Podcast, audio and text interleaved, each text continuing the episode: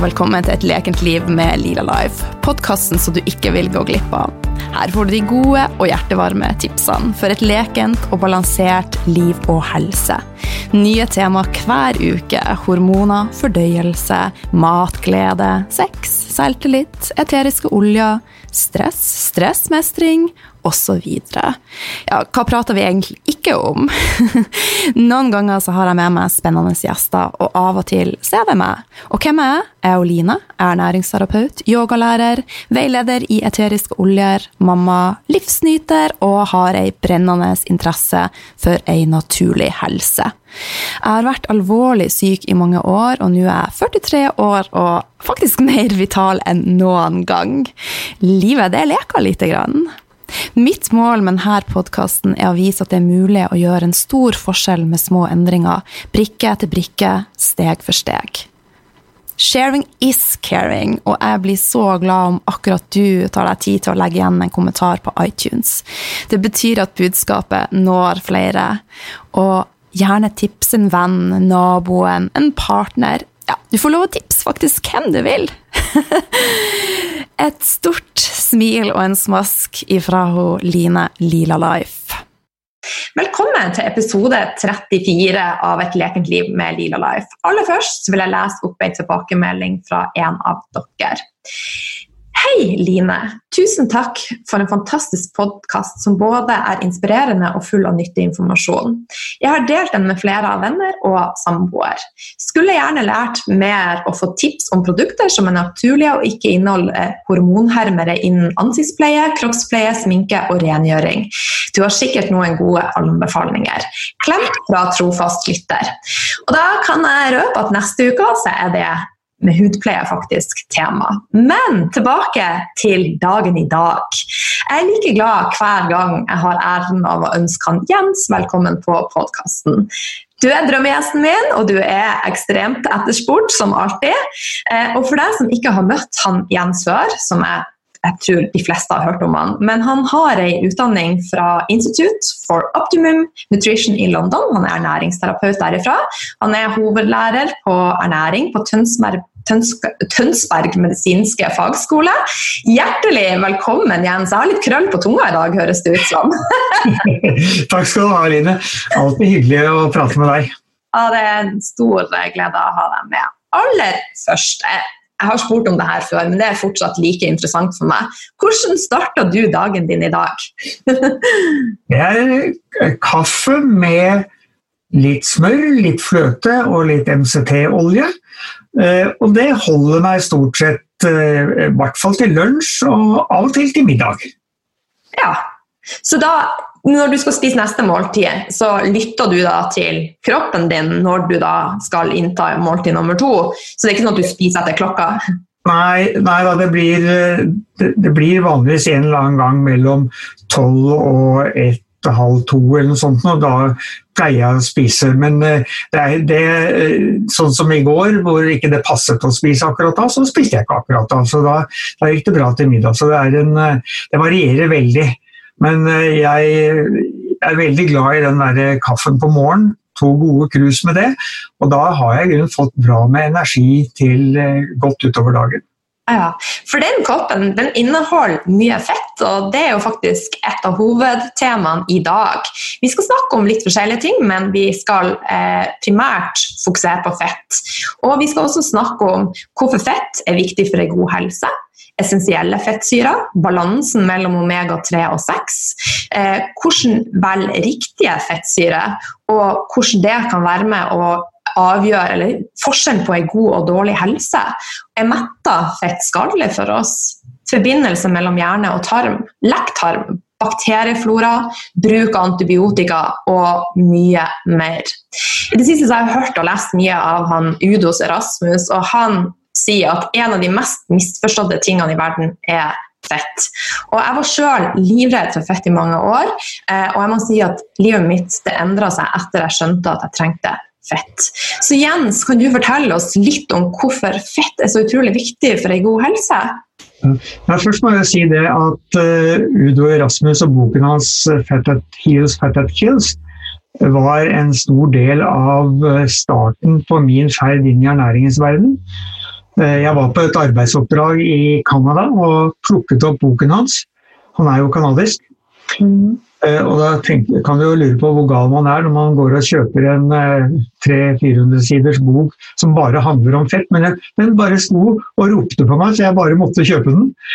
Og begynte å lese og syntes det var helt utrolig spennende. All den informasjonen som tilbakeholdes fra oss fordi det er snakk om økonomi. Sånn at uh, Jeg er veldig godt kjent med, med Udo Erasmus og har også truffet ham flere ganger og pratet med ham. Det, er ikke, det, er ikke, alt det han uh, sier og skriver som jeg er 100% enig i etter hvert, men det kan vi ta litt om. Men fett er klart, helt klart misforstått. og Dette startet jo på 50-tallet med fettfobien som da utviklet seg. All, all, uh, all ulykke når det gjaldt helse, var knyttet til fett. Og det viser seg jo at det er en stor del av mange av de problemene vi ser med helsa i dag, det er denne frykten for fett. Mm. Så uh, nå er det jo et, fortsatt et kontroversielt emne. Og alle som har fulgt med i debatten, vet at uh, stemningen blir ganske amper når man begynner å snakke om mettet fett. Uh, enemettet og flerumettet fett, uh, det er ikke så mye diskusjon rundt litt rundt umettet fett som vi skal komme tilbake til. Men eh, mettet fett det er et stridspunkt. Mm. Men mer og mer tyder på at der, den motstanden mot mettet fett den kommer til å forandre seg. Vi skal si litt mer om det etterpå. Ja. Vi ser jo at det er gradvis endring i samfunnet, og at det blir mer og mer legitimt. Ja, og Dette kommer jo av at eh, det begynner nå å komme opp en del studier som ikke finner noen sammenheng mellom mettet fett og sykdom.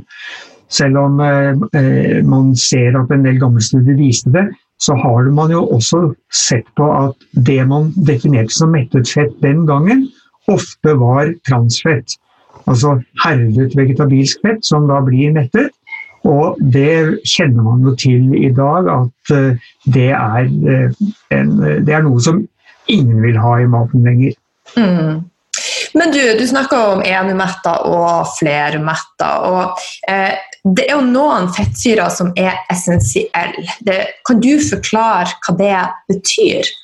Ja, eh, ja, Det er i og for seg ganske enkelt. Essensielt i, når vi snakker om helse og kroppens funksjon, det betyr at det er noe kroppen ikke kan lage selv. Eh, de som har studert kroppen litt, vet at det er helt utrolig hva den kan lage. Eh, vi er en proteinfabrikk, produserer i haugetall av forskjellige proteiner. Vi produserer masse forskjellige fettsyrer. Eh, og vi produserer karbohydrater etter hvert som vi har behov for det. Eh, I den sammenhengen så er det noen stoffer som er essensielle. Og når det gjelder fett, så er det to. Det er omega-3-fettsyren alfa-linolensyre, og det er omega-6-fettsyren linolsyre. Nå sier de navnene ikke så veldig mye for, eh, for folk flest, men eh, det er eh, Alfa-linolensyre er omega-3 som vi da finner i en del planter, særlig i noen frø. Som linfrø er jo kanskje den beste, beste kilden, men også i chia, det finnes litt i soya, i valnøtter og i flere andre. Omega-6, linolsyre, det er den mest vanlige i nøtter og frø, og Derfor så vil alle disse vanlige oljene som eh, er brukt som matoljer, som er basert på frø, de er veldig rike på omega-6. Så ja. den essensielle, det, eh, det, er de to. De to oljene. De er essensielle. Men den omega-3 som da kalles ALA, den kan omdannes da til DHA og EPA, som egentlig da eh, For å få i oss de, så må vi innta noe fra havet. altså fisk eller tran eller Men den kan konverteres sjøl i kroppen, sånn som jeg har forstått. Og, ja, det, det, er jo derfor de ikke er essensielle i ordets rette forstand. Man kaller dem av og til betinget essensielle, fordi konverteringen av og til er litt vanskelig. Og Særlig så er det dette første leddet etter, etter planteoljen som er problematisk. Der er det mange ting som kan forstyrre det. Eh, og, og Grunnen til at vi er så opptatt av fiskeoljene, det er at de er utgangspunkt for en del hormonlignende stoffer i kroppen som styrer cellens miljø. Det er knyttet til betennelse, til eh, sammentrekning av blodårer, til koagulering av blod osv. Til veldig mye av de lokale funksjonene som mm. vi, eh, vi trenger, avhengig av hvilken situasjon vi er oppe i. Ja, men da i forhold til eh, omega-3, altså hvorfor skal vi få i oss masse omega-3?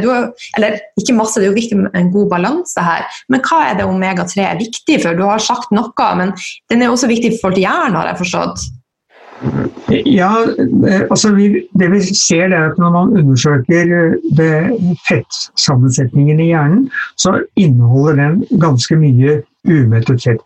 Faktisk en god del omega-6 også. Eh, det glemmes eh, ofte når vi snakker om det, at eh, omega-6 er noe som skal være til stede. I hjernen så er det særlig DHA som, som det er fokus på. Men det vi skal være klar over, det er at tilskudd av DHA ser ut til å være litt mer problematisk enn EPA. Det ble gjort en studie for en god del år siden i forbindelse med barn som hadde atferdsproblemer. Og Da eh, ga man dem enten EPA eller DHA, og så så man på reaksjonen. Og Da fant man at EPA var det som ga den beste, eh, beste effekten. Men da hadde EPA blitt omdannet til DHA i hjernen. Akkurat hva som skjer der, hvorfor det er sånn, det tør ikke jeg svare på, for det kjenner jeg ikke til. Men, eh, men det var i hvert fall klar, klart fra de resultatene. Ja, Så man kan da innta f.eks. type nøtter og kjerner og sånn, og få i seg omega-3 derifra, som da kan omdannes det vi trenger til hjernen vår. Og i tillegg så kan man innta fettsyre med EPA, og du sier da at det også kan omdannes til DHA. ja, det er riktig.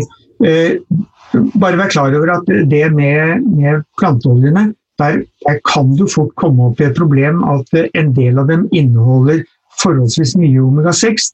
Ja. Det er vel egentlig bare linfrø som er i en særstilling der hvor omega-3-innholdet uh, dreier seg om en 50-60 litt avhengig av hvor det er dyrket.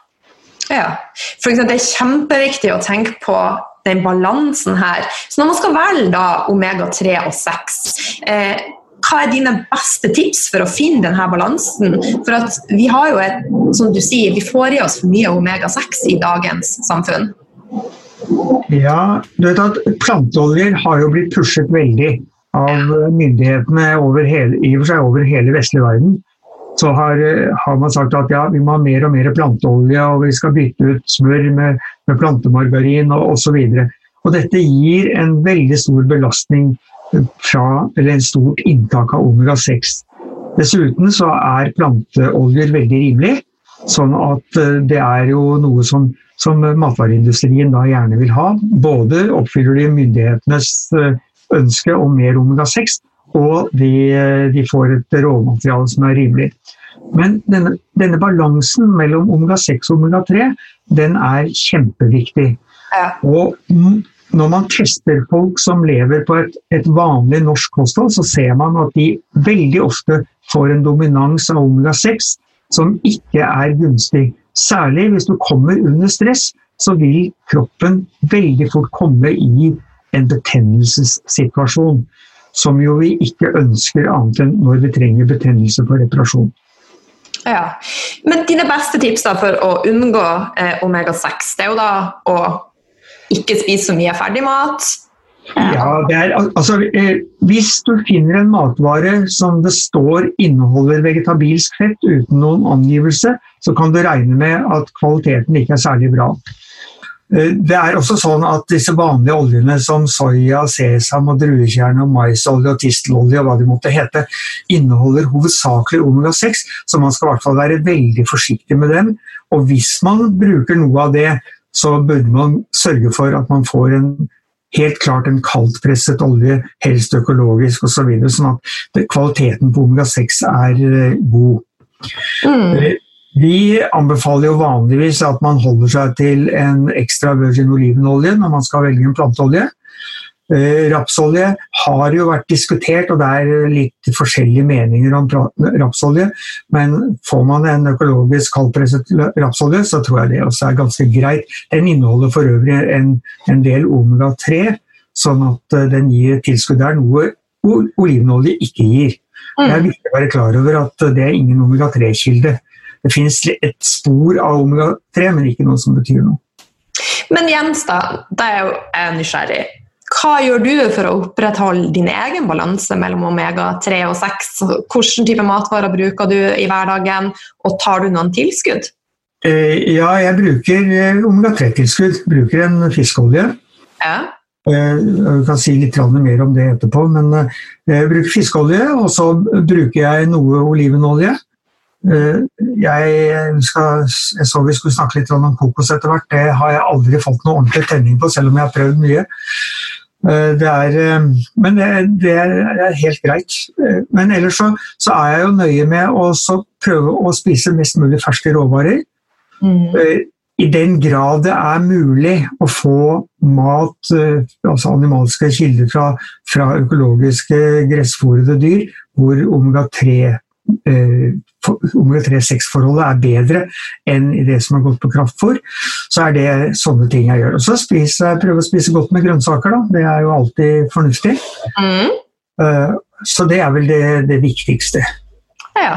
En annen ting eh, som jeg har fått litt sånn henge på han Udos, eh, Udo Erasmus. Da, og jeg er enig med deg at eh, han har mye klokt, og så også ting jeg er uenig i. Da, men sånn vil det alltid være. Men han eh, sier også at essensielle fettsyrer kan være gift og medisin på samme tid. Og han eh, snakker mye om den prosessen hvor eh, sånn, der fett lages. Kan du fortelle litt om den? Hvordan blant annet ja. lager margarin? og Den er jo ganske graverende. ja, altså Margarinproduksjon tror jeg vi bare skal la ligge. Det er Når folk lurer på dette, eh, skal jeg velge margarin eller smør, så er, er mitt uh, råd at uh, Mitt resonnement er at smør har vi antageligvis 7000-8000 års erfaring med. Eh, margarinen er litt over 100 år. Mm. Og i verden så er margarin et plastikkprodukt. Altså det er et rent industriprodukt og ikke egnet som mat. Det er eh, jeg kaller det av og til eh, best egnet som et våpen ja, du kan kaste på noen du ikke liker. Men det er, det er, ikke, det er ikke mat. Ja. Men fortell litt om prosessen, også, hvordan man da raffinerer ei, ei planteolje. Altså det, det, som er problemet når man skal raffinere, det er at eh, man må ha vekk ting som gir smak og lukt. Mm. Og det krever at man uh, bruker forholdsvis høy temperatur. Uh, og jeg lurer på om disse raffineringsprosessene, dette gjelder fiskeolje også, Eh, så eh, man kan, man kan, faktisk stille noen spørsmålstegn ved det, men det som man skal være klar over, det er at selv om de eh, varmes opp da, til 275 grader, er det vel, tror jeg, så foregår det i vakuum. Sånn at det er ikke oksygen til stede. Så oksidasjonsproblematikken den er nok ikke så vesentlig. Det man ser, er at man kan få spaltet fettet i frie fettsyrer. Altså, fett er normalt på triglyceridform. Er tre og tre fettsyrer koblet sammen. Men når det utsettes for prosesser, så kan man få frie fettsyrer, og det ønsker man ikke. Men så vidt jeg vet, så er det noe som da fjernes i en del av de prosessene som foregår i etterkant. Og vi må være klar over det at når vi snakker om denne prosessen og at fiskeoljer blir ødelagt i varmen, så er det sånn at eh, du har faktisk ikke lov til å selge en olje som ikke er renset. Og det har med miljøgifter å gjøre. Mm. Eh, eh, både disse, alle, alle, disse kunststoffene som fins overalt i miljøet, men også tungmetaller. Vi kjenner jo til kvikksølvproblematikken i fisk. Og når du skal lage en fiskeolje, så må du fjerne dette, ellers får du ikke lov til å selge. Det er ganske strenge krav til det. Eh, hadde dette vært ekstremt skadelig, så ville vi sett at folk som da har brukt tran i 40 år, eller drukket fiskeolje i 40-50 år, de ville jo da ha fått noen negative effekter av dette her. Og eh, Stort sett så viser de studiene som er gjort, eh, også de over tid, at det er en fordel å tilføre omega-6, nei, omega-3 fra disse kildene. Så, så jeg, er litt, jeg, er litt, usikker på det. Sist jeg traff Udo, så snakket jeg så vidt litt om dette. her, og Han mente da at uh, selv om det er lite giftstoffer igjen i en raffinert olje, så er det noe Og disse få molekylene det er et problem for kroppen. Nå kan man jo stille seg spørsmålet hva med selv økologiske dyrkede frø? De står jo i et miljø hvor det er forurensning. Det fins vel ikke et sted på jorden i dag hvor det ikke er forurensninger. Så eh, problemstillingen er nok til stede når vi snakker om så lave nivåer som vi prater om her. Mm. Så jeg, jeg, har ikke noen, noen, store motforestillinger. Men det som skal sies der, det er at jeg vet det jobbes ganske intenst med å utvikle det de kaller kaldraffinering av oljer. Altså hvor man gjør en slags filtreringsprosess som er så effektiv at disse stoffene som finnes bare da i noen få deler per million del, eh, at det skal være mulig å fjerne. Og jeg vet at i Norge så har det vært gjort en del forsøk på det. Ja, Men for å oppsummere nå da til de som hører på. Gode kilder til omega-3 og gode kilder til omega-6. Og hva er anbefalt balanse mellom de, altså som balanseforhold? For det første så er det jo alltid lurt å bruke eh, du kan si originalkildene. Gå til de essensielle fettsyrene og ta inn noe av nøtter og frø som inneholder omega-3 og omega-6 på naturlig form. Selvfølgelig så økologisk som mulig, men når det gjelder nøtter og frø, så er de ganske beskyttet, eh, litt avhengig av hva slags frø det er. Eh, jeg vil jo da fortsatt advare mot å bruke veldig mye av disse omega-6-frøene, solsikkefrø, sesamfrø osv. Litt grann gjør jo ingenting, men store mengder det tror jeg ikke er lurt. Eh, så er det da å gå til, eh, til fisk, som er en kilde for fisk og skalldyr. Der har man jo miljøproblematikken. Det, det, snakkes jo mye om at eh, f.eks. lever inneholder mye ja, av miljøgifter. Jeg er litt usikker på det. for at selv om leveren er et uh, avgiftningsorgan, så betyr ikke det at den samler opp, uh, av, samler opp giftstoffer. Den prøver jo å hjelpe kroppen til å kvitte seg med det. Men eh, det, det er visstnok undersøkelser som viser at det, du finner en del der. Så man skal være litt litt varsom. Eh, men noe fiskeolje som er renset, tror jeg er greit å bruke. Balansen der er litt avhengig av hvilken situasjon man er i. Man prater ofte at et eller annet sted mellom 1 til 3 og 1 til 5. Og det er altså viktig å være klar over det er mest omega-6 i kroppen. Det er mange som tror at det er mest omega-3, det er det ikke. Det er mest omega-6.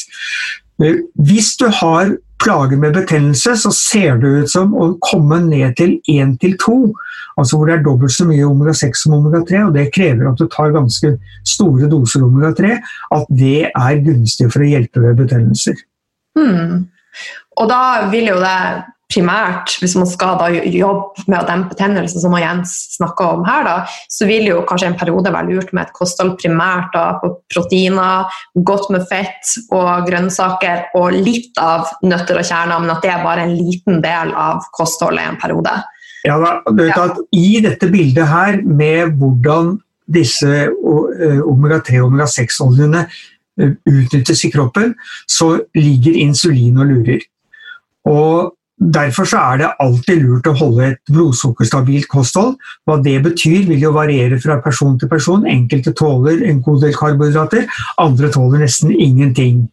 Men det er mye som tyder på at eh, det å holde karbohydratinntaket forholdsvis lavt er fornuftig. Og En av grunnene har kommet opp nå i forbindelse med at Eh, faste og periodisk faste har blitt så populært. Fordi det stimulerer noe som heter autofagi, som betyr å rydde opp i dårlig fungerende celler. Man tar rett og slett og setter i gang kroppens eget reparasjonssystem under faste. Men hvis man holder insulinet veldig lavt, så vil man få veldig mye av de samme effektene som, som ved faste. Spennende. ja, det er kjempespennende. Ja, altså ja, er jo det er så mye nytt som kommer. Så det er jo... ja, jeg har akkurat sittet nå og forberedt en, eh, en, leksjon som går bare på forholdet mellom insulin og glukagon, som basert på et foredrag som jeg fant av en kar på nettet, og som er helt fascinerende, og som forteller F.eks. at uh, hvis man går på et lavkarbokosthold, har gjort det en stund, så behøver man ikke være redd for proteinmengden på den måten som veldig mange er i dag. fordi at man sier at protein stimulerer insulin, og dermed kan det føre til fettlagring. Det er stort sett hvis man ikke har insulin under kontroll. Mm. Spennende. Men Da passer det bra å gå over til neste spørsmål. da. Eh, for at, som vi starta med å si, altså vi er stort sett enige om, enige om at uh, umetta fett er bra for helsa vår. Men når det gjelder metta fett, så er det fortsatt en del spørsmålstegn. Folk er redd for å spise det. Uh, Jens, kan ikke du prøve å forklare hvorfor vi trenger metta fett, og la oss bli kvitt denne hysterien en gang for alle at det er så farlig for oss? ja. ja, men jeg vil bare si et, et par ord om flerumettet fett. Eh, flerumettet fett er veldig reaktivt. Og det er flere og flere som sier det at hvis du spiser for mye flerumettet fett, så kan du sette opp en eh, unødvendig mengde med frie radikaler i kroppen, stoffer som bryter ned cellene. Og dette her er eh, Det er gjerne sånn at vi, vi, prater ofte nå at hvis man har en ubalanse omega-6 og omega-3, som de fleste har, så tar man eh, først og eh, rydder opp i kostholdet samtidig som man tar omega-3-tilskudd. Etter hvert som man får kontroll på omega-6, så reduserer man inntaket av flerumettet fett, for det behøver ikke være så veldig høyt. Og Den reaktive delen her sånn, er faktisk veldig viktig å være klar over. Det er jo, For å finne ut hvordan dette fungerer, så kan du ta og helle ut litt tran på en uh, avis eller på et eller annet, og bare la det ligge i romtemperatur en stund, så vil du oppdage at ganske fort så lukter det vondt. Det er harskning. Og denne harskningen den skjer selvfølgelig i kroppen også, uh, og det er noe vi ikke ønsker. Så det å holde omega-6 og omega-3-nivået så lavt som mulig, men dekke behovet vi har, ser ut til å være en fornuftig strategi. Men hvis det skulle være noen av lytterne som ikke vet hva reaktiv betyr, kan du bare forklare det enkelt? Ja, altså Harskning er egentlig et veldig godt uttrykk. Ja. I kroppen så har vi ca. 37 grader. Og så sier man det at ja, det er ikke veldig mye oksygen i kroppen. Ja, det kan vi stille spørsmålstegn om. Veldig mye er vel kanskje ikke, men uten oksygen fungerer ikke cellene våre. Så det er oksygen overalt. Det betyr at flerumettet fett hvis ikke du har godt med antioksidanter, vil kunne harskne. Og vi vet at harskt fett det er ikke bra for oss. Det skaper en situasjon i kroppen som vi ikke vil ha. Mm. Og kan være en trigger til betennelser og et overstimulert immunforsvar etc. Definitivt. Definitivt. Ja. Mm. Og da kommer vi tilbake til, bare for å oppsummere litt det som han Udo sa, at Fett kan være fantastisk bra, men det kan også være det som er mest ødeleggende for helsa vår. Det er helt riktig. Ja, så ha et bevisst forhold til det. Men nå tilbake til metta fett. Ja. Why? Ja. ja. altså jeg syns det beste argumentet er at hvis du spiser mer karbohydrater enn det du trenger, da lagres det som fett. Mm. Og ikke veldig overraskende for oss som har holdt på med dette en stund, så lagrer kroppen det som mettet fett. Hvis mettet fett hadde vært farlig for kroppen, så ville det være lite trolig at kroppen lagde mettet fett av overskuddsenergi. Og den fettsyren som det lages mest av, er palmitinsyre, som ofte trekkes frem som den som er ugunstigst med hensyn på kolesterol osv. Så, videre. så det er, det er altså et paradoks der sånn. Eh, det viktigste med mettet fett det er at det er dønn stabilt. Hvis du har f.eks. tatt kokosfett som inneholder et eller annet sted mellom 90 og 94% mettet fett, så vil den knapt harskne selv om den står på kjøkkenbenken i årevis. Det betyr at det er helt stabilt, det er ikke utsatt for oksidasjon og gjør ingen skade. Det mettede fettet er helt nøytralt i kroppen. Så er det eh, noen da som trekker frem ja, men hvis du spiser kjøtt, så det, får du da de og de reaksjonene. Ja, men da snakker vi ikke om bare mettet fett, da snakker vi om mange forskjellige ting. Og vi snakker om kanskje reaksjoner som er utviklet i en tid da vi ikke visste helt hvordan kvaliteten på det kjøttet var. Hmm. Så det er mange ting å tenke på. Men i tillegg så er jo metta fett eh, rik på viktige fettløselige vitaminer. Kan du fortelle litt om det? Ja, nå er nok, eh, Du finner nok de fettløse vitaminene i umettet fett også. Mm. Jeg, jeg, tror ikke vi skal bare henge oss opp i det, men, men det er klart at mettet fett er en viktig bærer, og en del av de matvarene som inneholder mettet fett, som jo eh, du kan si i store trekk er de animalske matvarene, selv om eh, folk ikke tenker på, det er at selv i en planteolje så er det mettet fett. Det er altså, når vi snakker om fett i mat, så inneholder de vanligvis et stort spekter av fettsyrer, både mettet og umettet. Men eh, de, de fettløse vitaminene de er uh, veldig viktige. Og faktisk så er en del av de helseproblemene som man har sett etter denne fettfribølgen som har skyllet over vår verden nå i 50 år, at den kanskje er en del av svaret på hvorfor vi ser en økning av en del sykdommer som vi ikke helt skjønner alt av i dag. Hmm. Jeg leste en artikkel om at spesielt da meieriprodukter fra kyr som spiser gress, er spesielt rik på K2, som er med bl.a. gjør at de får et bedre opptak av kalsium. Og et problem i dagens samfunn er jo at veldig mange er beinskjør. Eh, kan du si noe om det?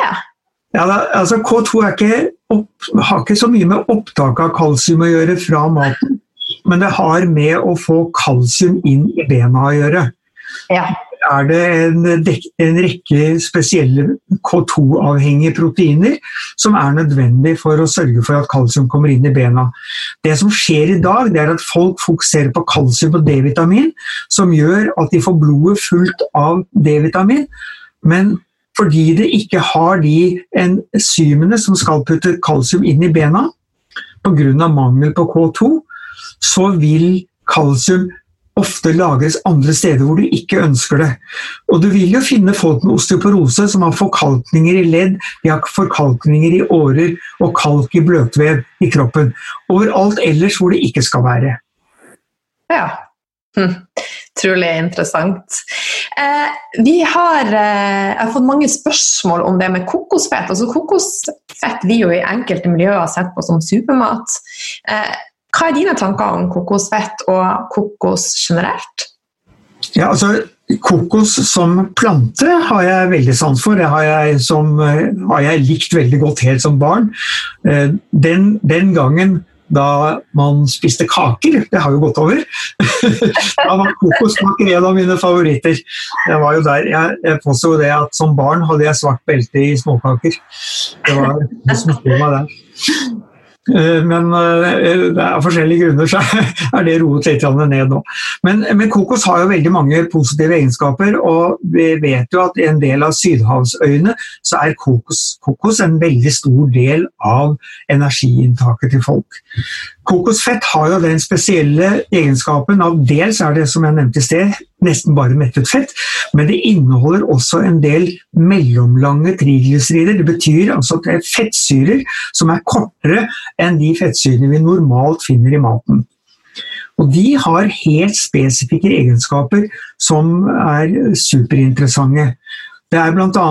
Eh, en av dem som er eh, veldig effektive mot eh, soppinfeksjoner. Du har noen som danner stoffer som er, fungerer som en form for antibiotika. Vi har disse MCT, eller mellomlange triglyceridene, som går rett inn i cellene og kan brukes forbrenning, til forbrenning av energi uten å gå om fordøyelsen på normal måte. Så det er altså mange spennende egenskaper. Men jeg tror det viktigste her er kjenne etter hvordan dette virker på deg. Mm. Og det er der som jeg nevnte, jeg har aldri fått full tenning på, på, kokos. Jeg har prøvd det, jeg har jo alltid kokosfett stående, men det blir stort sett stående. For det er et eller annet som skrubber litt hos meg. Det er i hvert fall ikke noe som, som gjør at jeg får veldig lyst på å spise kokosfett. Jeg bruker det jo litt i forskjellige sammenhenger, men, men ikke noe sånn voldsomt. Men det betyr jo ikke at de som føler at det gjør dem godt, ikke skal bruke det. For, for, det er masse positive egenskaper og en del studier som indikerer at det har gunstige helsevirkninger. Mm. Det er jo her også mange som er skeptiske siden det er metta fett. da.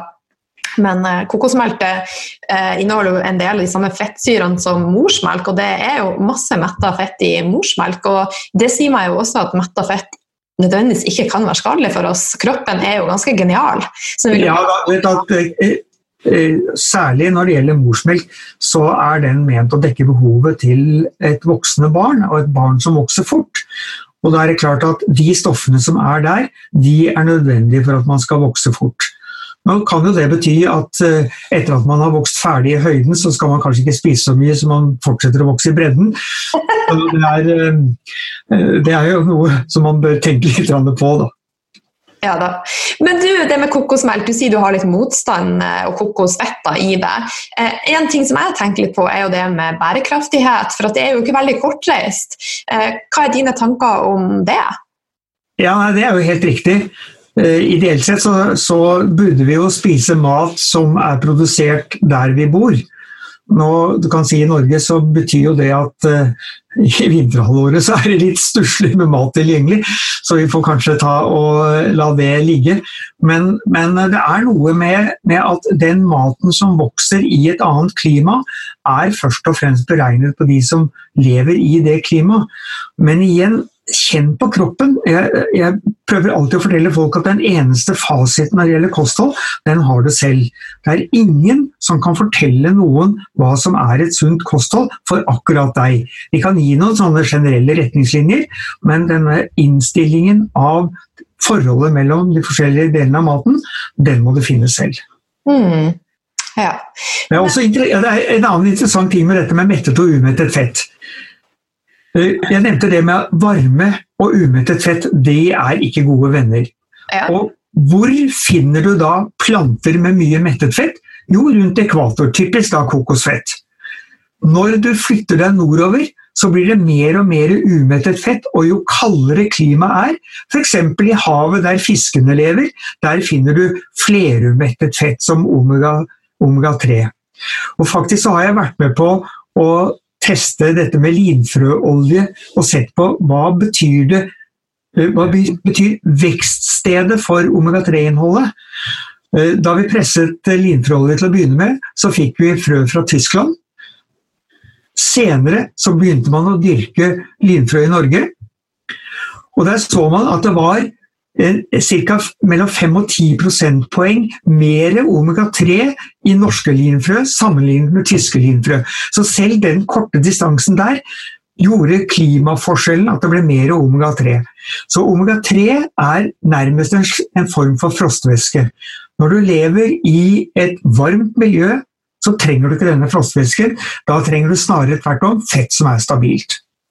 Hmm. Så vi her i nord vi trenger litt mer omega-3, faktisk? Det tror jeg. Ja. Men eh, hvis vi da skal oppsummere hva som er de mest bærekraftige fettsyrene for oss her i nord, hva, hva du vil eh, anbefale da? Ja, det jo, jeg vil jo si først og fremst de fettsyrene du får gjennom eh, produkter fra gressfòrede dyr. Mm. Som lever normalt, er ute så mye som mulig. Vi ser jo nå en del som har driver kjøttproduksjon, har jo dyr gående ute hele året fordi de, mange, mange, varianter tåler vinteren. Og, og, jeg tror at eh, det er en, et, eh, et, bra utgangspunkt. Så har vi selvfølgelig fisk, da, med de forbeholdene som vi har nevnt. Eh, planter som vokser i Norge, har nødvendigvis et, en fettsyreprofil som passer. Vi, vi, har jo raps, som da ofte kalles Nordens olivenolje, som har mye av de samme karakteristikkene med mye enemettet fett, men også da en god del omega-3 og omega-6 i seg. Så det er, eh, det er nok eh, Det er vel det viktigste, tror jeg. Og Hva er det lurt å tenke på da når man skal kjøpe ei rapsolje? Hvilke kriterier bør man da eh, ha med seg? Ja, Det der er vanskelig, fordi at eh, av og til så ser man jo etter kaldpresset. Men kaldpresset det betyr bare at det ikke er tilsatt varme under pressingen. Så for å få en ekte kaldpresset olje, så må du også ha kontroll på pressetrykket.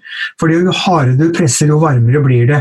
Og jo hardere du presser, jo varmere blir det, jo større utbytte får du av oljen. Sånn at for en produsent så er det å bruke hardt trykk og få mye olje ut, det er lurt, men det går utover oljekvaliteten. Så det er altså viktig å kjenne litt til hvilken filosofi produsenten har. Da begynner det å bli litt vanskelig, da. Ja, men Har du et favorittmerke å anbefale med oss?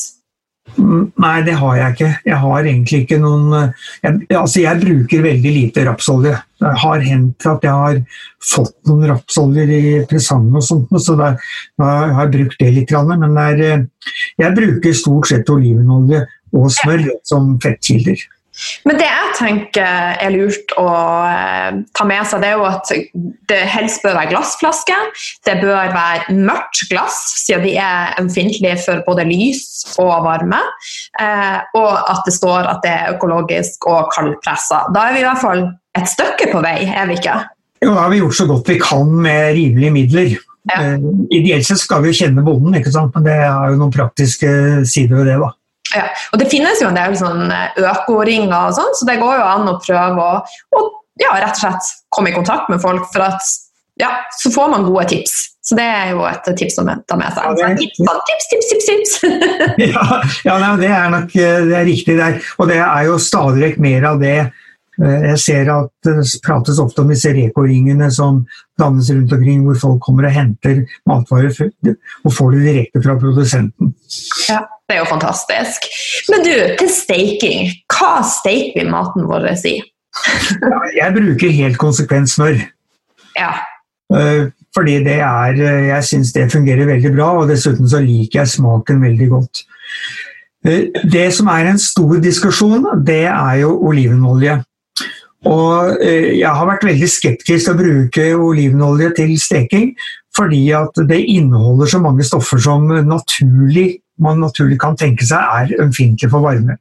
Nå har det kommet en del studier som viser at eh, en god ekstra virginolje holder mye av kvalitetene sine også ved normal steking. Eh, men så er det spørsmål da, som alltid ved forskning. Hvem er det som har gjort forskningen? Hvem står bak? Hvem har betalt? Osv. Fordi det er jo sånn at eh, man veldig ofte kan få de resultatene man ønsker. Så jeg er fortsatt litt skeptisk og bruker veldig sjelden olivenolje til det. Mm. Så, så, mitt råd er klart bruk smør. Det, det vet vi hvordan fungerer. Og hvis man er følsom for eh, laktose og protein, så kan man lage ghee, altså et klarnet smør. Eh, det fungerer veldig bra. Og vi som på skolen så har vi jo veldig mye å gjøre med folk som har reaksjoner på veldig mange forskjellige ting, og bl.a. melkeprodukter. Og veldig veldig sjelden opplever vi folk som sier at de reagerer på GI, så det er jo et alternativ. For da får man ikke disse brente elementene som man jo da kan stille spørsmålstegn ved. Mm, jeg bruker alltid Klarna smør eller gi til steking. Jeg syns det er helt ja. fantastisk. Men så løser jeg det på den måten da, at like før servering så har jeg over olivenolje eller en annen god fettsyre for å få enda mer fett i maten min. Da. For da bevarer du jo kvaliteten. Ja, og det, det man bruker fett på maten er faktisk ganske viktig. Eh, jeg har laget et sånt lite eh, si, huskeregel for når vi spiser grønnsaker. Eh, det har noe med at eh, næringsstoffene i grønnsaker er tilgjengelig på forskjellig vis. Da sier jeg noe rått, noe kokt, alltid med fett. Mm. Det har noe med at Når du koker en grønnsak, så vil du bryte ned cellestrukturen. Det betyr at næringsstoffene som ligger inni cellene, blir lettere tilgjengelig enn om du spiser en rå grønnsak. Jeg kan illustrere med en, en liten regnemodell som man, regneøvelse man har gjort på et universitet i Sverige på tilgjengeligheten av betakaroten i, i, i gulrot. Hvor hvis du spiser en rå gulrot alene, så er det ca. 4% av betakaroten som er tilgjengelig for kroppen. Og så øker det hvis du spiser den med fett, så øker den hvis du koker den. Så øker den hvis du koker den med, eller steker den med fett. Da er du oppe igjen 38 hvis jeg ikke husker feil. Sånn at det å f.eks. Eh, ta særlig på karotener som er fettløse, så er det altså kjempeviktig. Det å spise en tomat gir deg lite lykopen, som er det røde stoffet som er et viktig karoten i tomaten. Men med fett så blir det bedre, og stekte tomater det er enda bedre når det gjelder karoten. Men så er det det at mange av de andre vitaminene er varmeømfintlige, og de har du kanskje tilgang på hvis du spiser det rått. Så Derfor denne kombinasjonen veldig, veldig lurt. Så f.eks. det som en del såkalt helsebevisste gjør, hvor de tar en salat, grønn salat og presser sitron over, det er bare halve svaret. Hvis du ikke får med deg olivenoljen der sånn, så har du et problem med næringsopptaket. Mm. Eh, supergodt tips, Jens. Eh, Nå har vi snakka my mye om fett. Vi har snakka om at fett er viktig for å få i oss eh, vitaminer, mineraler, for hjernen vår. Eh, vi har ikke vært så mye inne på tarmen. Eh, tarmen er jo et eh, problem hos mange, og mange opplever å få det som heter leaky gut. vil fett og fettsyrer kunne være med å reparere en lekk tarm? Jeg, jeg har noen pasienterfaringer som sier det. Jeg hadde en uh, dame som var hos meg som hadde slitt med, med maveproblemer i ganske lang tid og hatt, uh, hatt mye vondt som, eh, som, da fikk en anbefaling om å få kontroll med blodsukkeret, øke fettinntaket. Og etter en eh, ja, tre måneders tid så var de problemene som hun hadde hatt i flere år, borte. Og hun sa til meg direkte jeg kjente at fett reparerte tarmen. Mm. Så, så, jeg tror absolutt det. Da er det jo også viktig det som vi snakket om, med at man ikke har fett som er veldig reaktivt, altså som ikke oksiderer eller harskner lett. Så igjen tilbake til enemettet og mettet fett som de viktigste kildene. Jeg tror at For de som liker det, så kan kokosfett være en idé, for også det har en positiv effekt på skadelige bakterier i tarmen. Det er i hvert fall verdt å prøve å kjenne om det gir noen lindring. Og så er det insulin, som jeg var inne på, som jo alltid må under kontroll hvis du har en, et problem med betennelse, som det ofte er i forbindelse med lekktarm. Ja, Men hva med en god kopp eh, kraft, da? Ja, kraft er jo interessant, eh, ikke fordi det er først og fremst pga. fettet, for det er ikke veldig mye fett i, i, en kraft. Eh, men det har med stoffene som du har i en ordentlig kokt kjøttkraft. Blant annet har vi, har vi gelatin, og gelatin eh, og eh, eh, ah, Ja, nå sto det plutselig eh, Av og til så faller ordene bare Kollagen var det jeg skulle ha. Så godt at det ikke bare er meg. jeg har jo alderen å skylde på, da. Eh, nei, men eh, Kollagen og, og, og særlig den aminosyren glysin ser ut til å ha veldig bra effekt både på selve fordøyelsesfunksjonen i maven, men også på gjenoppbyggingen. Kollagen er en del av rammeverket i alt vev i kroppen, så styrken i kroppen er avhengig av kollagen. Og, og det har selvfølgelig da stor betydning for tarmen og, og reparasjon av tarmen. Og vi kan jo også da nevne aminosyn glutamin, som, som er mat for tarmcellene og som det også er veldig fint å kanskje ta litt ekstra av i forbindelse med det. Mm. Men når man koker kraft, eh, så hvert fall når jeg gjør det, så legger det seg et lag med fett på toppen. Og veldig mange tar jo av dette før de da inntar krafta. Så det jeg bruker å gjøre, det er å ta dette fettet og kanskje surre det lett i litt eh, grønnkål, eh, litt brokkoli, og så blander jeg det inn i krafta. For da får jeg jo både fett, jeg får bitterstoffene fra de her tingene, pluss litt vitaminer og mineraler. Så da blir det plutselig et lite måltid som kan være bra for tarmen. Ja, altså De som tar av det fettlokket, er bare godt dresserte. Så vi har jo lært gjennom alle disse årene at fett er farlig. Men det er selvfølgelig det fettet er jo helt utmerket. Det, det, kan man bruke sånn som du sier. Eh, jeg tar aldri det av, men når jeg bruker kraft, så, så koker jeg det opp. Og hvis jeg bruker kraft til en saus osv., så, videre, så er jo fettet bare noe man trenger. Så, så, nei, så det må man ikke ta vekk. Ja. Eh, jeg var i Lofoten i helga, og da eh, vi snakka om eh, bærekraftig kjøtt. og Da spiste jeg en skikkelig lammeskank og med det største beinet i. Og margen som du får i Jeg satt og sugde i meg det da på en restaurant, så sønnen min var jo litt flau. Men det er jo også skikkelig næring for tarmen, er det ikke? Ja, altså ta, eh, Margen er jo ekstremt næringsrik. Ja. Og det er klart at Tarmen, som er utsatt for såpass stor belastning som den er, den trenger godt med næringsstoffer. Så vitaminer og mineraler, aminosyrer, fettsyrer osv. Det må være i en god balanse for at tarmen skal ha det bra. Hmm. Men du, bakterieflora, nå er det jo litt sånn speed-dating med tarm og bakterieflora, men bakterieflora er jo ekstremt viktig for en god helse. Og eh, jeg kom over ny forskning som viser at omega-3 også er veldig gunstig for bakteriefloraen. Hva tenker du om det? Ja, det, er ikke, det er ikke veldig uh, uventet. Fordi altså, omega-3 har en veldig viktig effekt for cellemembranen. Og cellemembranen er jo noe som alle levende organismer har. Altså en sammens, en, det er et, to lag med fosfolipider som danner denne cellemembranen, som sørger for at cellen har kontroll på hva som kommer inn og ut. Og Omega-3 er en veldig sentral del for å få den på eh, riktig mykhet i cellemembranen, sånn at den fungerer optimalt. Hvilke andre effekter det var Jeg tittet så vidt på den studien som du henviste til. Eh, det som er problemet i dag, det er jo at eh, man nå har passert flere tusen forskjellige typer bakterier i tarmen. Og det er vel få i dag som har oversikt over hva som er optimalt av en tarmsammensetning. Når man finner så stor forskjell mellom friske mennesker, og man finner også en del likhetstegn mellom enkelte sykdomsgrupper og enkelte friske mennesker. Man ser også at bakteriene forandrer seg avhengig av miljøet du er i. sånn at hvis du forandrer kosthold, endrer miljøet, eh, så, så vil det forandre seg.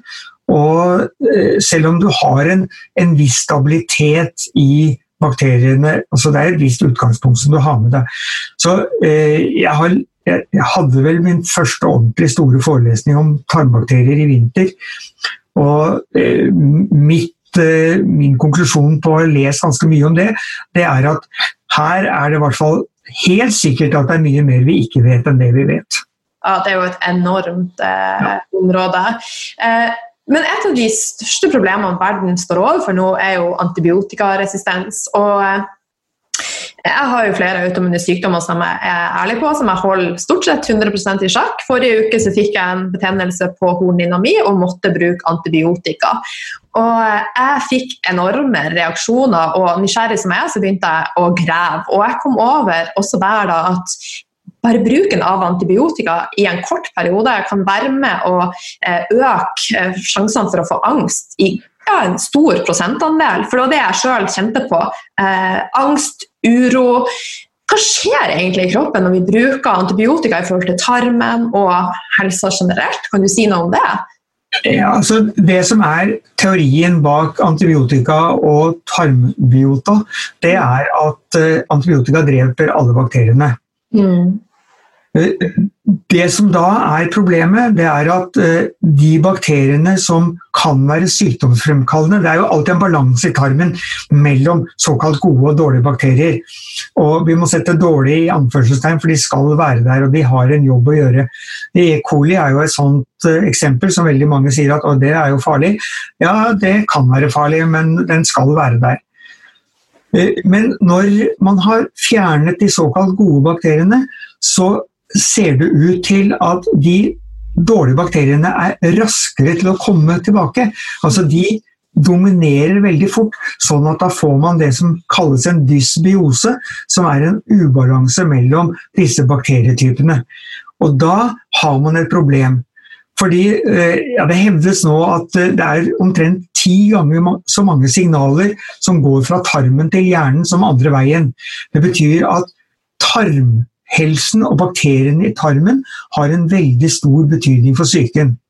Mm. Så rett og slett en antibiotikakur kan føre til at du kommer ut av psykisk balanse.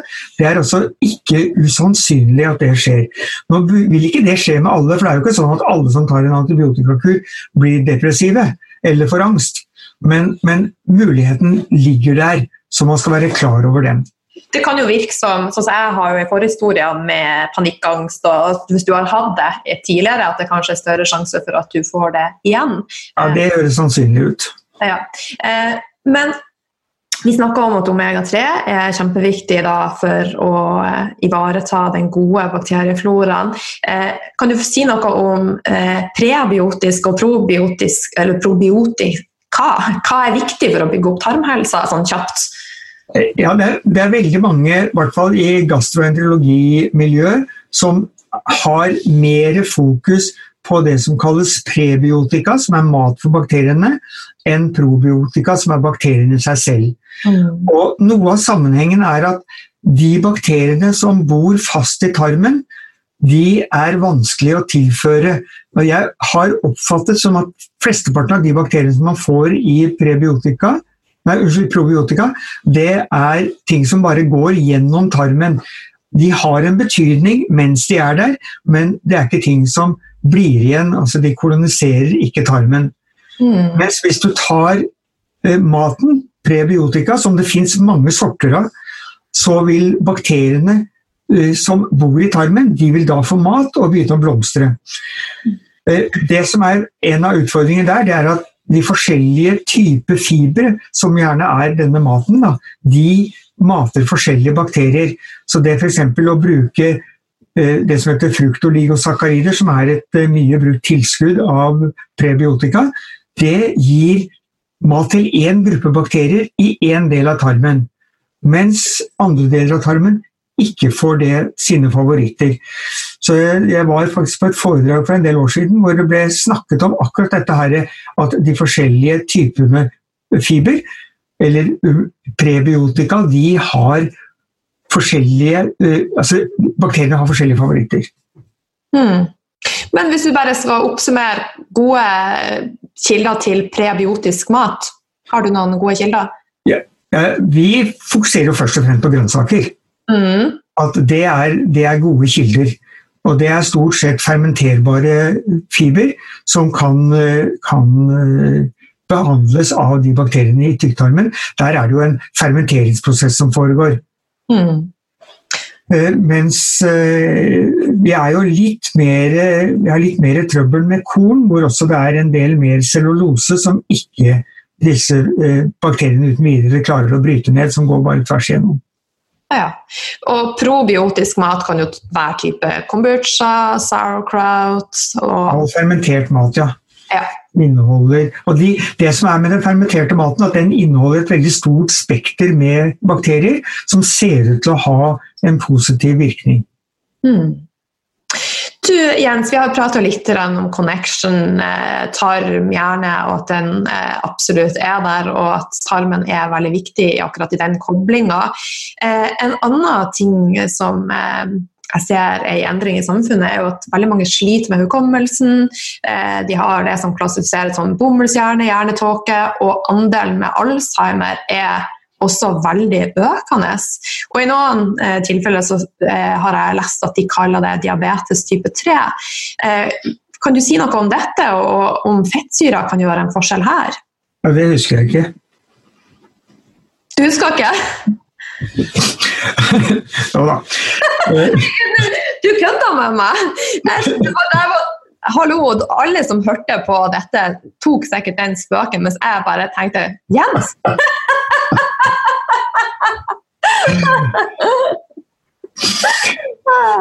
Ok, ja. fra spøk til revolver.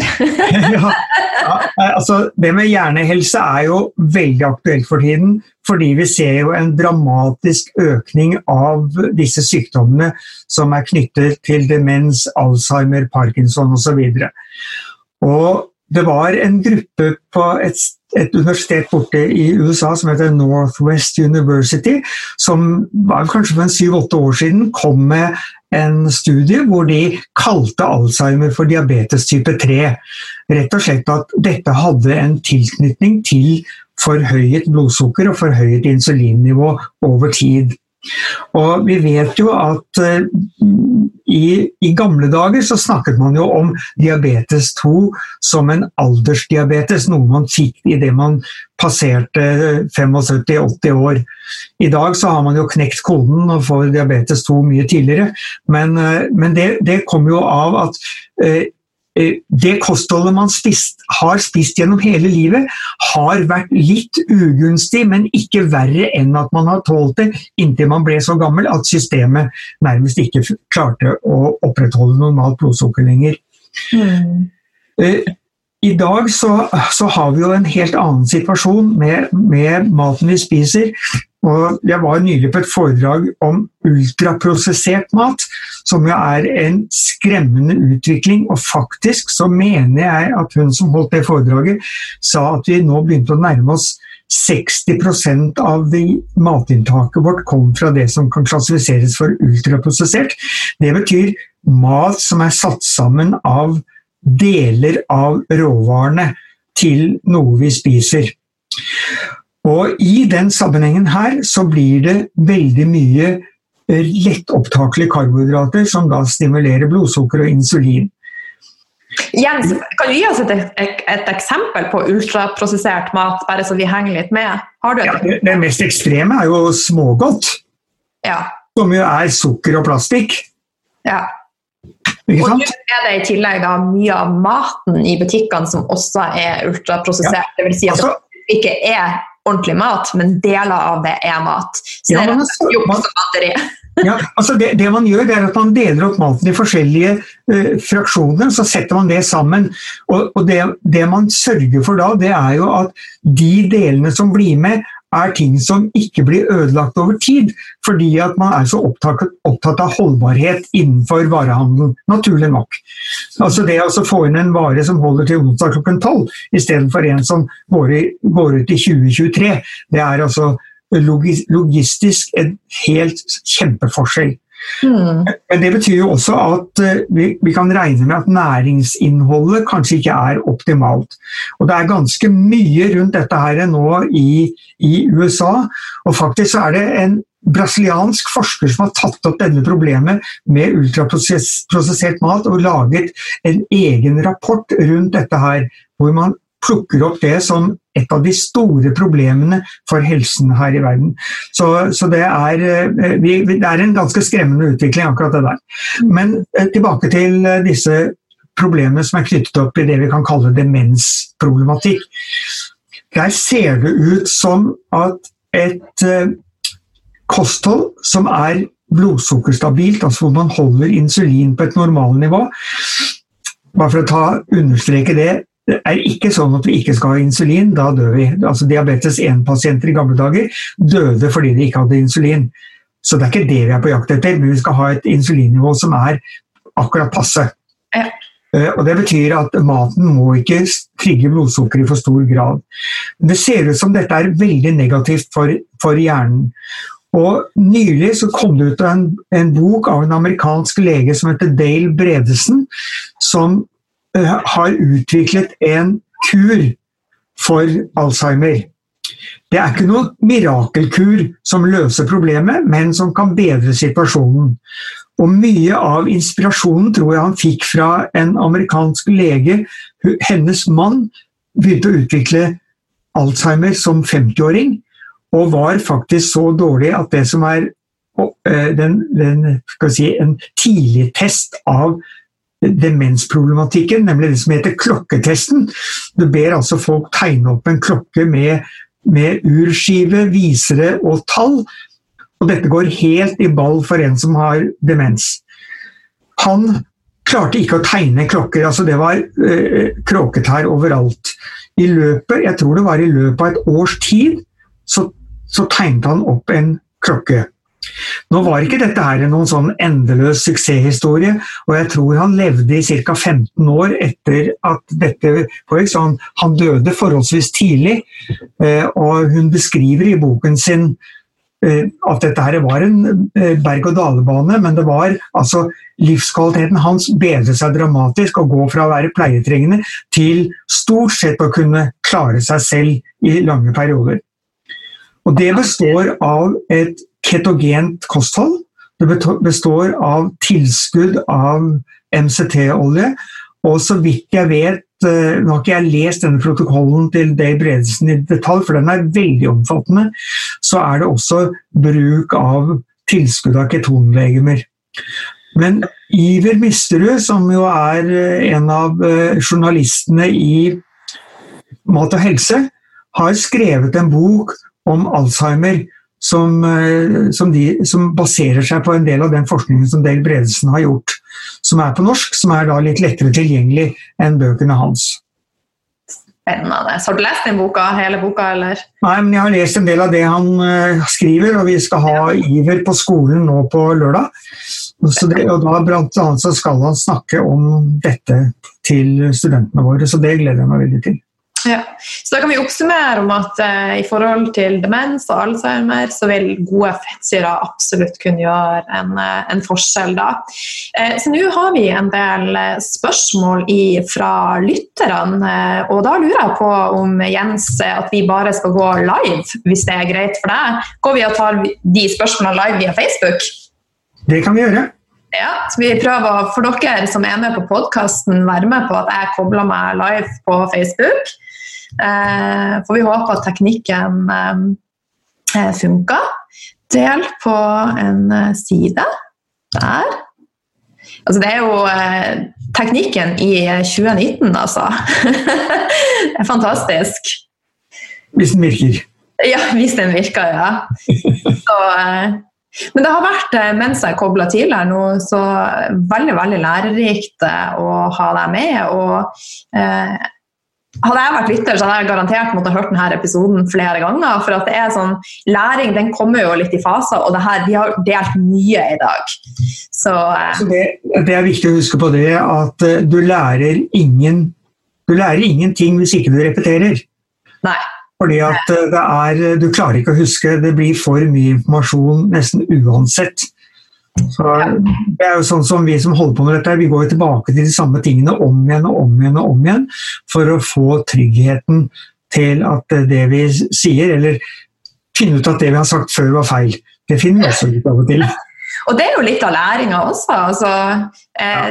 Ting er i endring. Ting er dynamisk. Jeg tenker at Vi har tapt hvis vi tror at ting ikke endrer seg. For det kommer ny forskning hver eneste dag. Ja. Så, nå er vi også live via Facebook, og vi har fått inn en del spørsmål om eh, fettsyrer. Så da skal jeg finne frem de, og så kjører vi på videre. Eh, så Jens, eh, det er et spørsmål da. Hvilke utfordringer er det for dem som har fjerna galleblæra med tanke på opptak av fett fra maten? Eventuelt tilskudd, økt dosering eller del opp. Hva tenker du her? Ja, Det er en utfordring. Eh, og det vi ser, det er at det er to, to tiltak som kan være nyttig. Det ene er å bruke et tilskudd av lesitin som, en, som fungerer som eh, en eh, ja, på mange måter som galle. Kan erstatte galle i hvert fall til en viss grad. Ikke 100 men til en viss grad. Eh, da tar man en spiseskje med, med, dette granulatet, og jeg er jo veldig klar på at man må kjøpe det som granulat, ikke i kapsler. Er, kapsler blir helt meningsløst fordi mengden man trenger er ganske stor. Så tar man det over maten, og det smaker egentlig veldig lite, litt sånn nøtteaktig.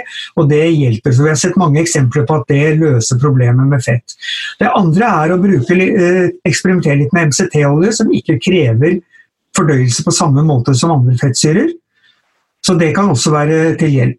I forbindelse med måltidet så kan man også bruke tilskuddet av artisjokk. Eh, artisjokk eh, stimulerer galleutskillelse. For når man har tatt vekk galleblæren, så renner gallen kontinuerlig ut. Det kan jo skape litt irritasjoner i tarmen. men eh, rett før måltidet så kan det være fornuftig å stimulere det litt ekstra, fordi da kan man kanskje få litt ekstra galle ut akkurat til måltidet. Men du, artisjokk, er ikke det også prebiotisk, sånn at det er med å bygge opp de gode tarmbakteriene?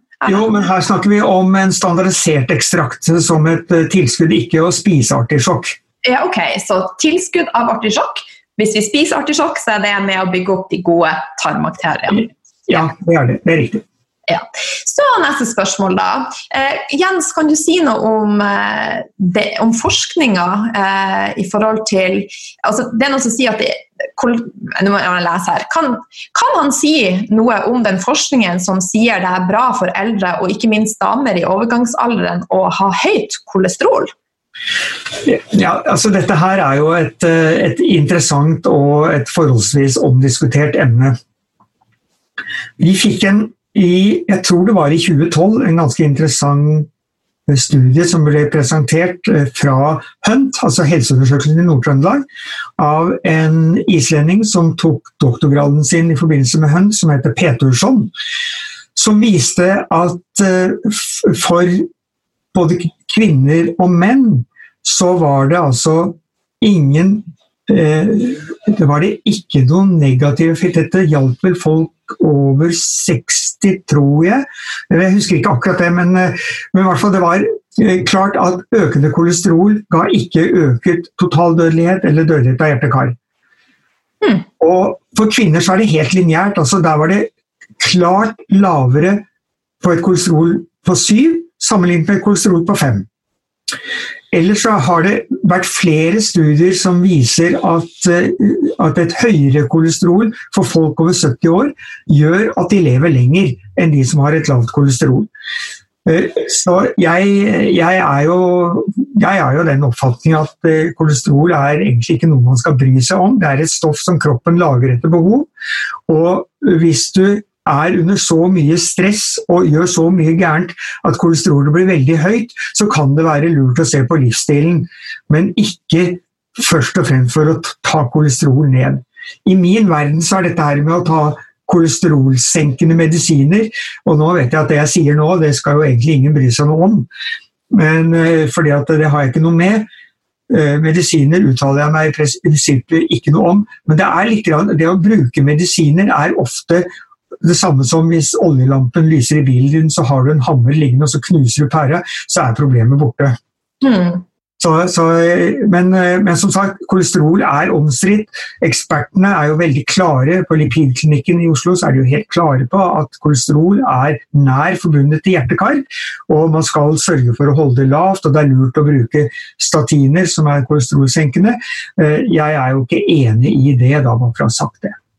Og når det skal sies, da, Jeg hører jo på mye podkaster av leger i uh, Over the Sea, og eh, jeg hørte akkurat noe forskning i forhold til bruk av kolesteroldempende medisiner. at det er som du sier, ekstremt mange bivirkninger, sånn at man kommer nesten dårligere ut av det.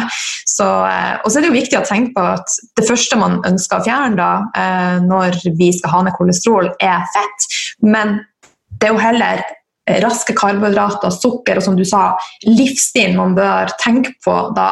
For kolesterol har jo utrolig mange viktige funksjoner i kroppen vår og er bl.a. forløperen til hormoner. Ikke sant? Ja. Ja. Kjønnshormonene våre er eh, kolesterol. D-vitamin er kolesterol. Eh, stresshormonet kortison kommer fra kortisol.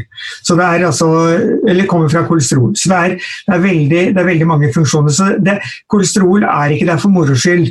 Det er faktisk sånn at hver eneste celle i kroppen har muligheten hvis ikke leveren produserer nok. Ja. Da går vi videre. Eh, ok, så her er det et spørsmål fra Tove. Dette gleder jeg meg til. Det ser ikke ut til at jeg klarer å ta opp fett. Tatt Whitlet-operasjon. Is it calling, Jens? er du, blir du oppringt? ja, det var bare en telefon. Jeg får ta, ta det etterpå. på Lila Light så eh, på, på podkasten Vi er faktisk eh, Nå sitter vi og spiller inn podkast, og vi har eh, logga på live på Facebook også. Så det er jo alltid action når jeg tar opp til ny podkast. Nå fikk vi høre at han Jens han er oppringt. Han er, som jeg sier, han er en veldig populær mann, så at du er med her i dag, det er jo fantastisk.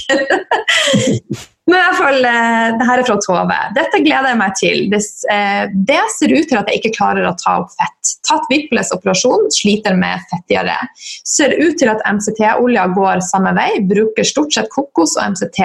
Tips tas mot, imot med stor takknemlighet.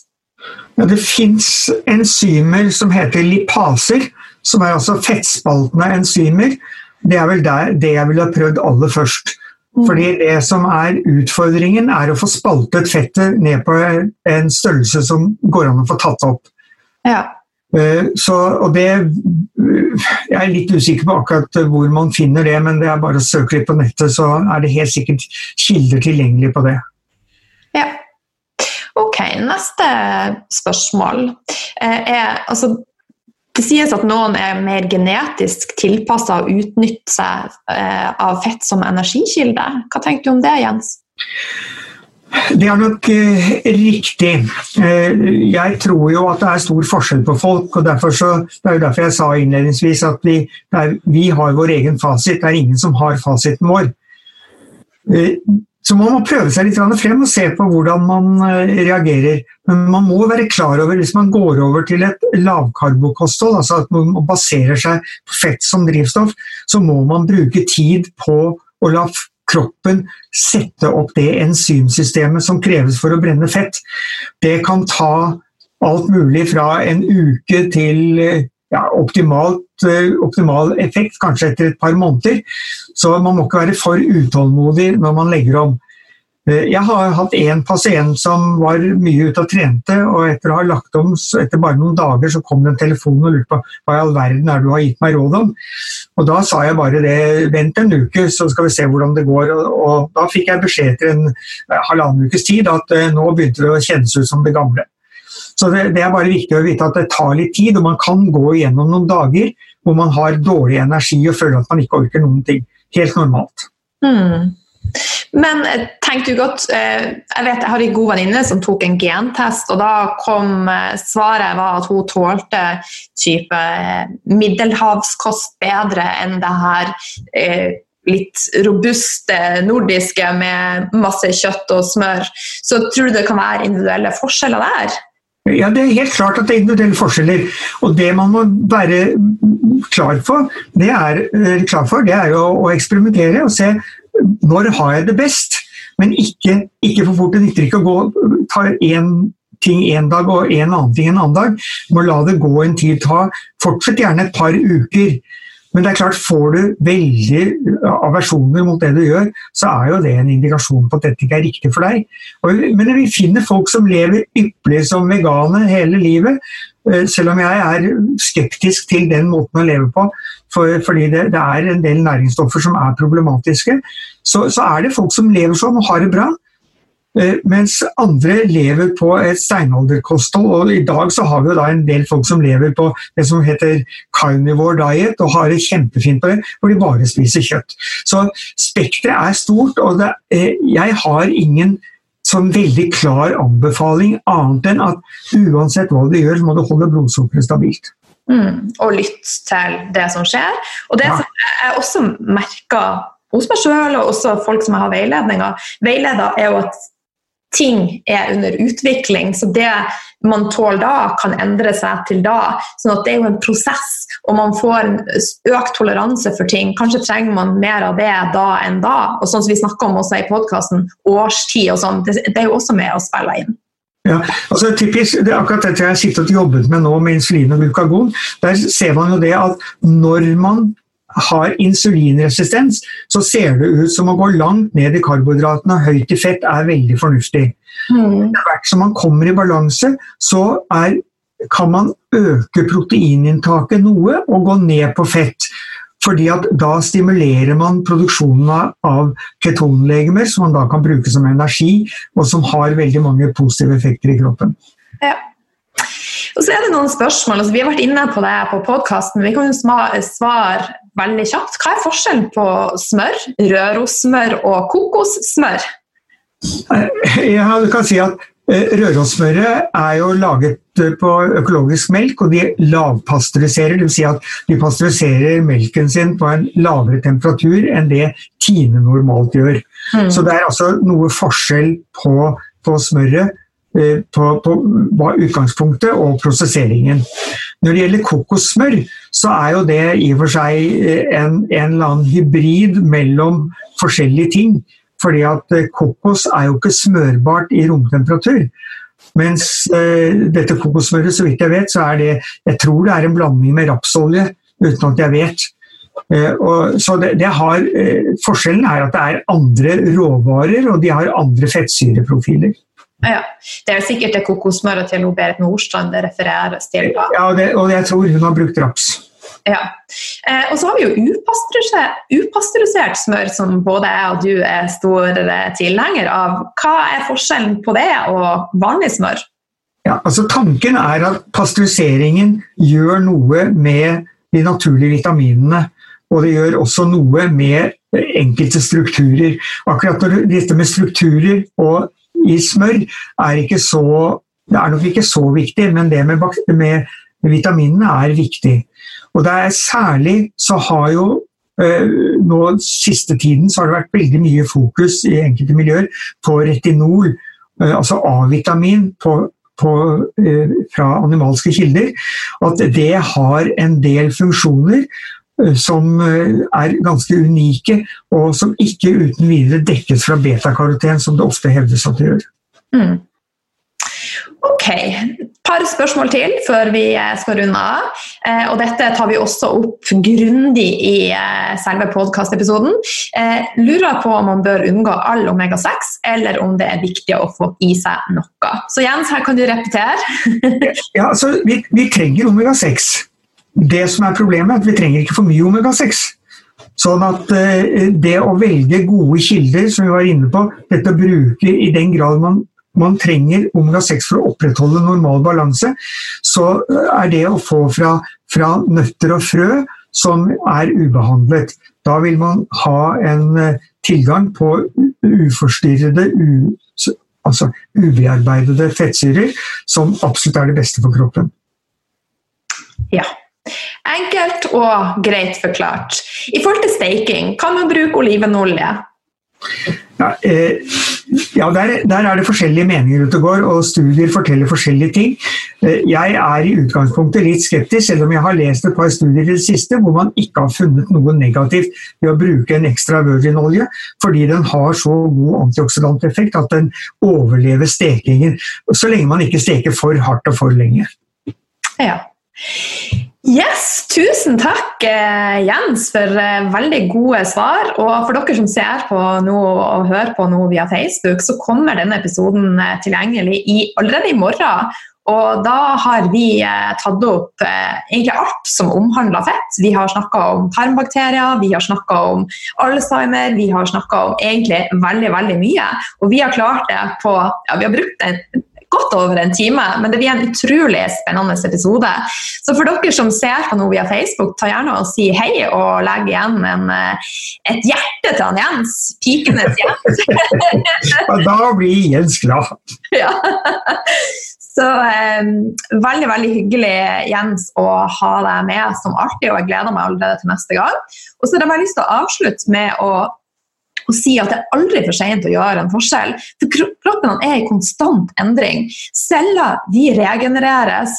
Og det vi har lært i dag om fett, kan være med å gjøre en stor eh, forskjell. Så helt på tampen, Jens, eh, så jeg har lyst til å spørre deg om én ting. Har jeg glemt å spørre deg om noe? Er det noe som jeg bør spørre deg om som kan være til verdi for lytterne? Hadde, selvfølgelig så burde du ha spurt om det er lurt å komme på kurs hos meg på skolen. Ja. det er det, det vet du. Ja. Nei, det er ikke noe spesielt jeg tenker på. Eh, vi har vært innom det, det aller, aller meste. Og det som, er, det som, er, viktig, det er jo at folk også altså, eh, Vi har jo hatt en episode om stress tidligere, og vi kan jo henge på det på slutten. at Stress kan ødelegge alt dette som gode som vi nå har snakket om hva fett kan gjøre. Med stress i kroppen så skjer kanskje ikke dette så positivt som vi har prøvd å fremstille nå. Mm. Ok, eh, veldig, veldig klokt. Og eh, er det ei bok som du vil anbefale til lytterne våre? Har du en favorittbok?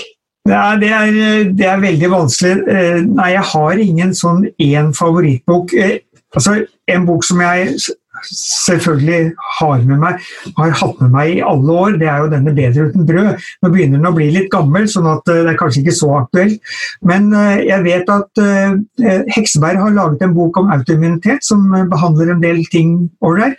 Og Fedon har skrevet en bok, hvis den skal holde seg norske bøker som også er ålreit. Og så er det Alzheimer-boken til Iver, er sikkert interessant for veldig mange. Så det er, det er, vel det viktigste. Ellers så vil jeg jo si det at Helsemagasinet er jo obligatorisk for alle som er interessert i helse. fordi der vil du hele tiden få litt påfyll på hva som skjer på forskningsfronten, og hvordan man kan uh, opprettholde og forbedre helsen ved å kontrollere blodsukkeret og spise ordentlig mat. Ja. Tusen, tusen hjertelig takk, Jens, for at du var med. Bare hyggelig. Alltid. Ses vi igjen.